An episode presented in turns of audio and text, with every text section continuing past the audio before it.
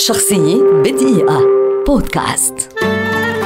جوان رولينج والتي تعرف أكثر باسم جي كي رولينج روائية وكاتبة سيناريو ومنتجة أفلام بريطانية حاصلة على وسام الشرف البريطاني ولدت عام 1965 وهي مؤلفة السلسلة الأشهر حول العالم هاري بوتر. صعوبات كثيرة مرت بها رولينج في حياتها الشخصية والعملية حتى أنها وصلت إلى حافة اليأس لكن كل شيء تغير عام 1995 حين بدأت بكتابة مغامرات الصبي الساحر الذي تجلى لها أثناء رحلة في القطار من مانشستر إلى لندن.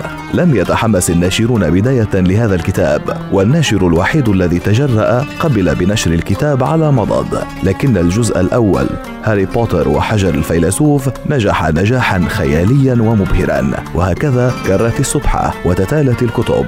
وحقق كل واحد منها أرقاما مذهلة تزيد عن سابقه. وتم إنتاج ثمانية أفلام من السلسلة ذات الكتب السبعة. وبيع أكثر من 400 مليون نسخة من الروايات. وأدرجت ضمن قائمة أكثر الكتب مبيعا في التاريخ. والأفلام بدورها صارت ضمن قائمة أعلى الأفلام دخلا في العالم.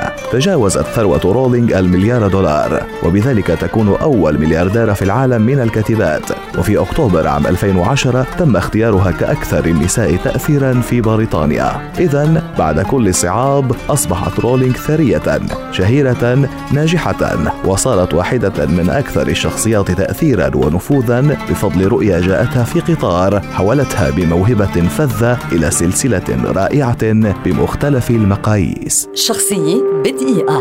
بودكاست.